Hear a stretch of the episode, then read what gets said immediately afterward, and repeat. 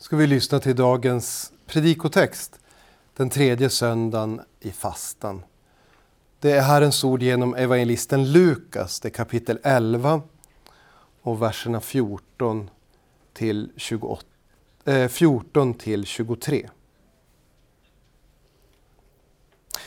En gång drev Jesus ut en ond ande som var stum. När den onda anden hade farit ut talade den stumme och folk var förundrade. Men några av dem sa, det är med hjälp av Beelzebul, det onda andarnas första som han driver ut andarna. Andra ville pröva honom och begärde ett tecken från himlen av honom. Men han visste vad de tänkte och sa till dem, ett rike som är splittrat blir ödelagt och hus faller på hus. Om nu Satan skulle vara splittrad och i strid med sig själv, hur kan då hans rike bestå?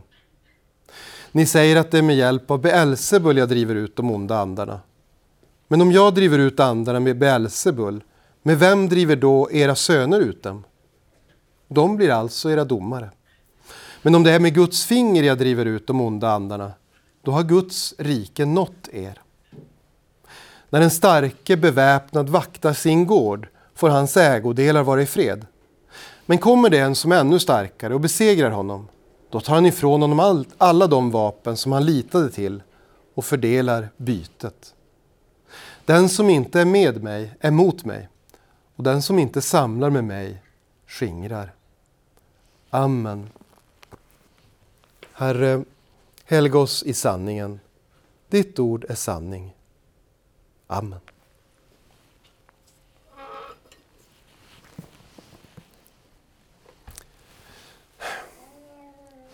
Tror ni på ondskan? Finns ondskan? Allt fler svarar nej på den frågan. Man vill hellre tala om att vi människor är en produkt av arv och miljö. Att det egentligen är en massa plus och minustecken och sen eh, plus och minustecken och sen efter lika med tecknet så kommer vi. Jag tror ingen förnekar att vi formas av det vi upplever. Att ett barn som får en trygg uppväxt har bättre förutsättningar än ett barn som blir misshandlat av sina föräldrar. Det är klart att det spelar roll. Humanismen vill göra gällande att människan är i grunden god. Så när det går lite fel, när någon blir våldtäktsman eller seriemördare eller krigsförbrytare, ja, men då kan man nog utläsa det i att de inte har haft en närvarande far eller en kärleksfull mor. Man vill akta sig för att säga att det handlar om ondska. Varför det? Jo, för att om vi ska tala om ondskan, då måste vi också tro på att det finns något som är gott och något som är ont. Då är inte allting relativt. Och finns det ett gott och ett ont, då kanske det idealet också dömer oss. Det kanske inte bara gäller de andra, de allra värsta. Jag vet inte om ni har tänkt på det, men jag har tänkt på att ordet ondska har börjat användas mycket mer de senaste veckorna efter Rysslands attack mot Ukraina. Goda humanister som normalt sett inte vill tala om ondska, de snuddar vid det. När vi får rapporter om bombade skolor, dagis, människor som blir dödade när de står i kö för att köpa bröd. Då är det svårare att säga människan är god. Då är det svårare att säga ondskan är bara ett kristet påfund och något som kyrkan har hittat på för att förtrycka oss. Ondskan blir verklig. I Bibeln, då kämpar Gud kampen mot ondskan. Just kampen mot ondskan är ju vårt tema idag. I vår text idag så ser vi exempel på att Jesus kämpar mot onda andar. Onda andar är något som verkar vara varit relativt vanligt på Jesu tid. Det finns olika tankar kring det. En tanke är att djävulen liksom rustar till strid när han ser att Jesus har blivit född. Han vet att här kommer hans värsta motståndare och nu gäller det att göra en kraftansamling. Han kör liksom fram sina stridsvagnar till gränsen. Han ser till att ladda sina kanoner. Och så attackerar han på bred front. En annan tanke kring varför det verkar ha varit så vanligt på Jesu tid och vi hör relativt lite om onda andar idag. Det är att djävulen kanske hellre vill att vi ska tänka att allting är biologi än att det finns en verklig motståndare. De onda andarna i vår text idag, de känner till Jesus, de talar till honom. Eh, vi får se det i Lukas 4, när de till och med säger Jesus, eh, vad vill du med oss? Låt oss vara i fred. När Jesus möter onda andar i evangelierna, då ser vi att den här kampen utkämpas på flera plan. Det ibland så handlar det om fysisk besatthet. Den stumme i vår text idag. Någon fysisk åkomma som vi förmodligen inte skulle tänka på som något annat än ett handikapp eller en sjukdom. Men här är en ond ande som gör mannen stum.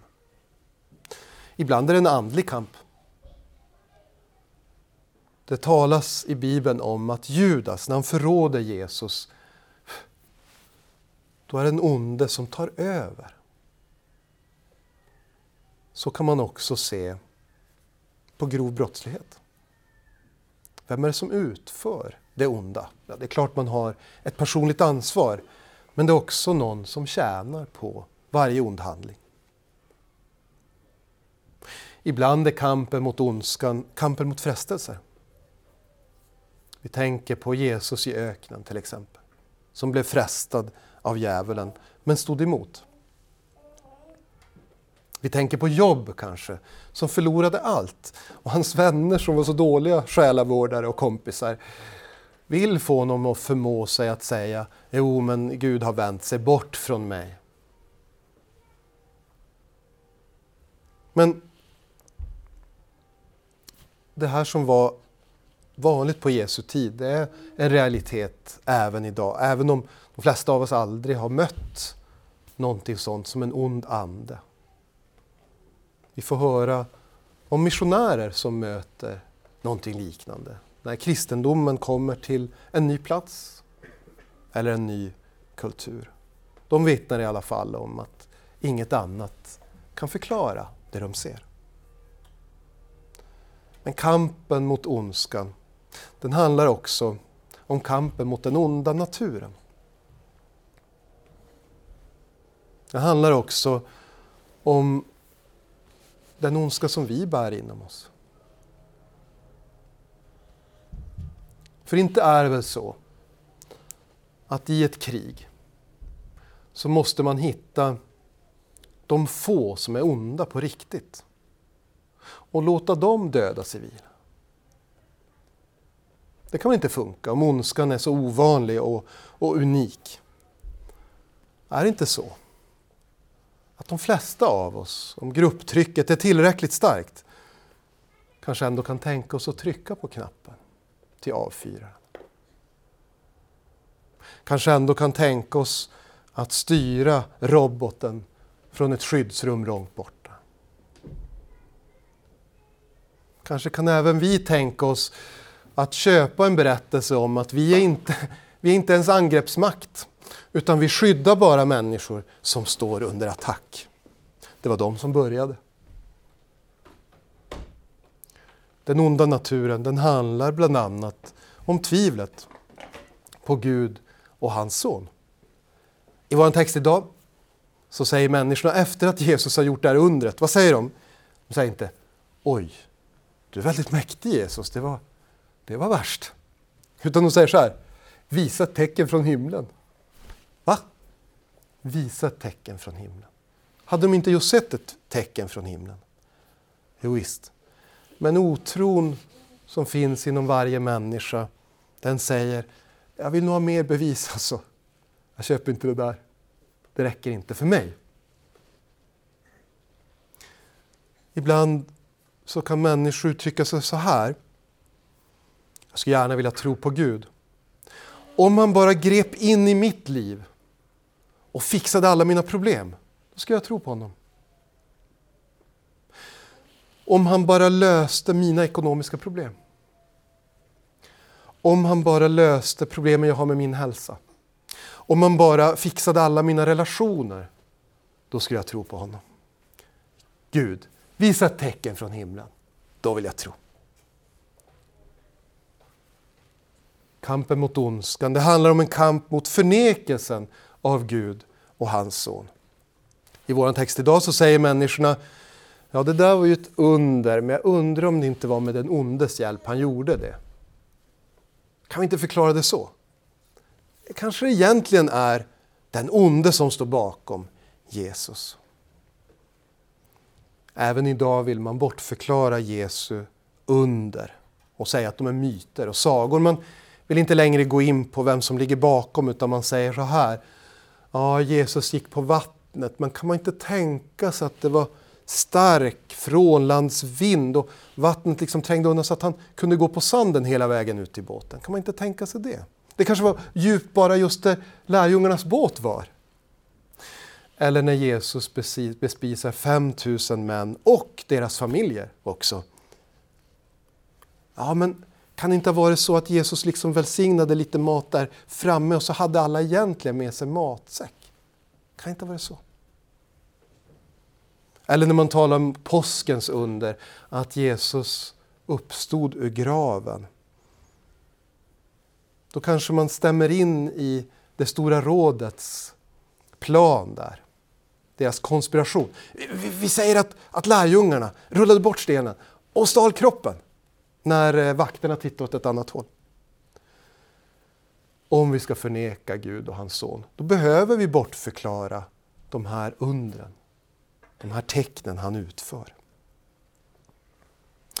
Men kampen mot ondskan den handlar också rent konkret om kampen mot djävulen. Djävulen som vi inte tänker på så ofta tror jag, som inte är så trevlig att tänka på heller. Jesus berättar en liknelse i vår text idag. Liknelsen om den starke mannen som blir besegrad av någon som är ännu starkare.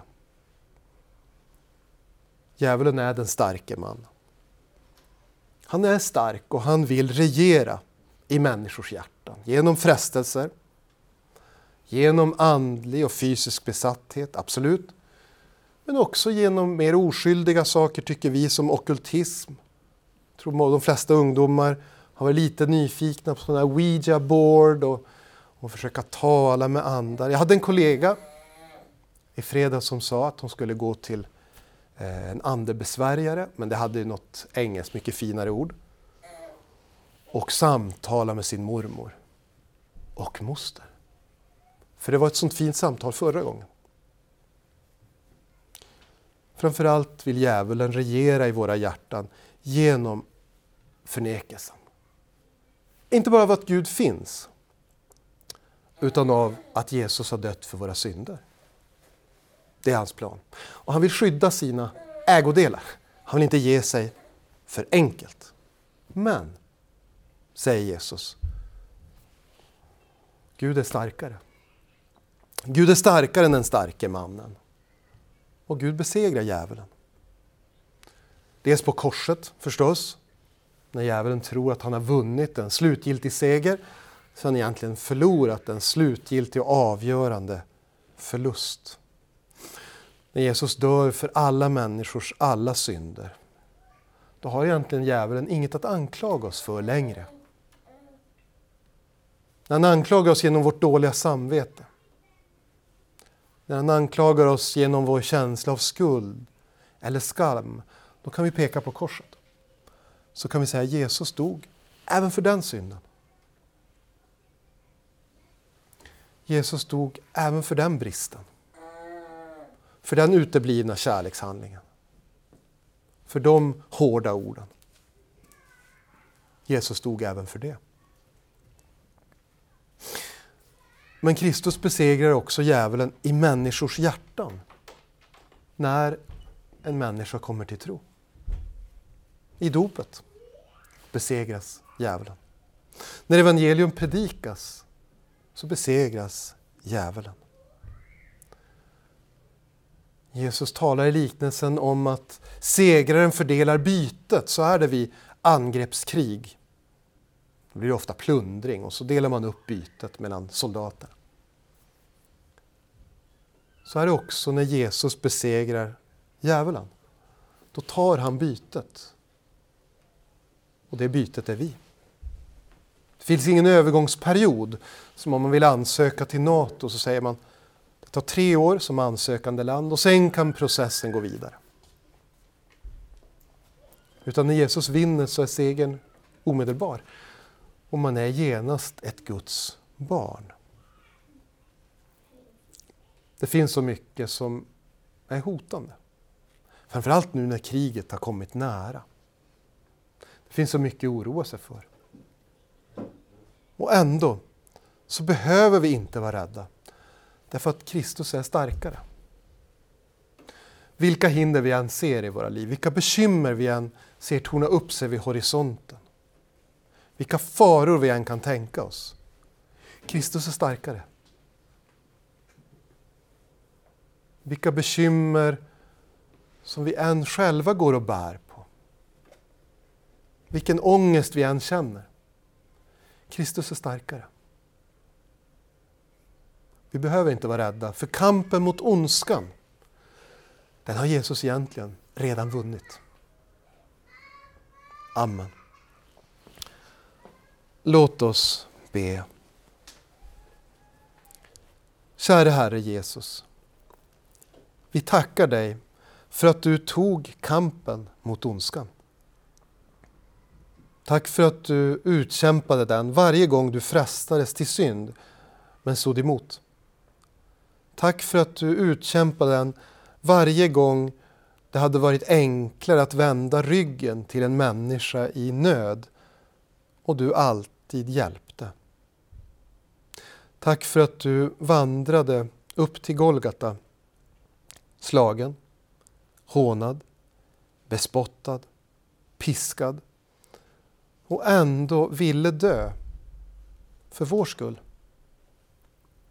Tack för att du har besegrat ondskan, en gång för alla. Och tack för att vi får njuta av den frihet du har vunnit åt oss. Hjälp oss att värdesätta den, att glädjas åt den och att använda den till att sprida ditt ord. Vi ber i ditt namn. Amen.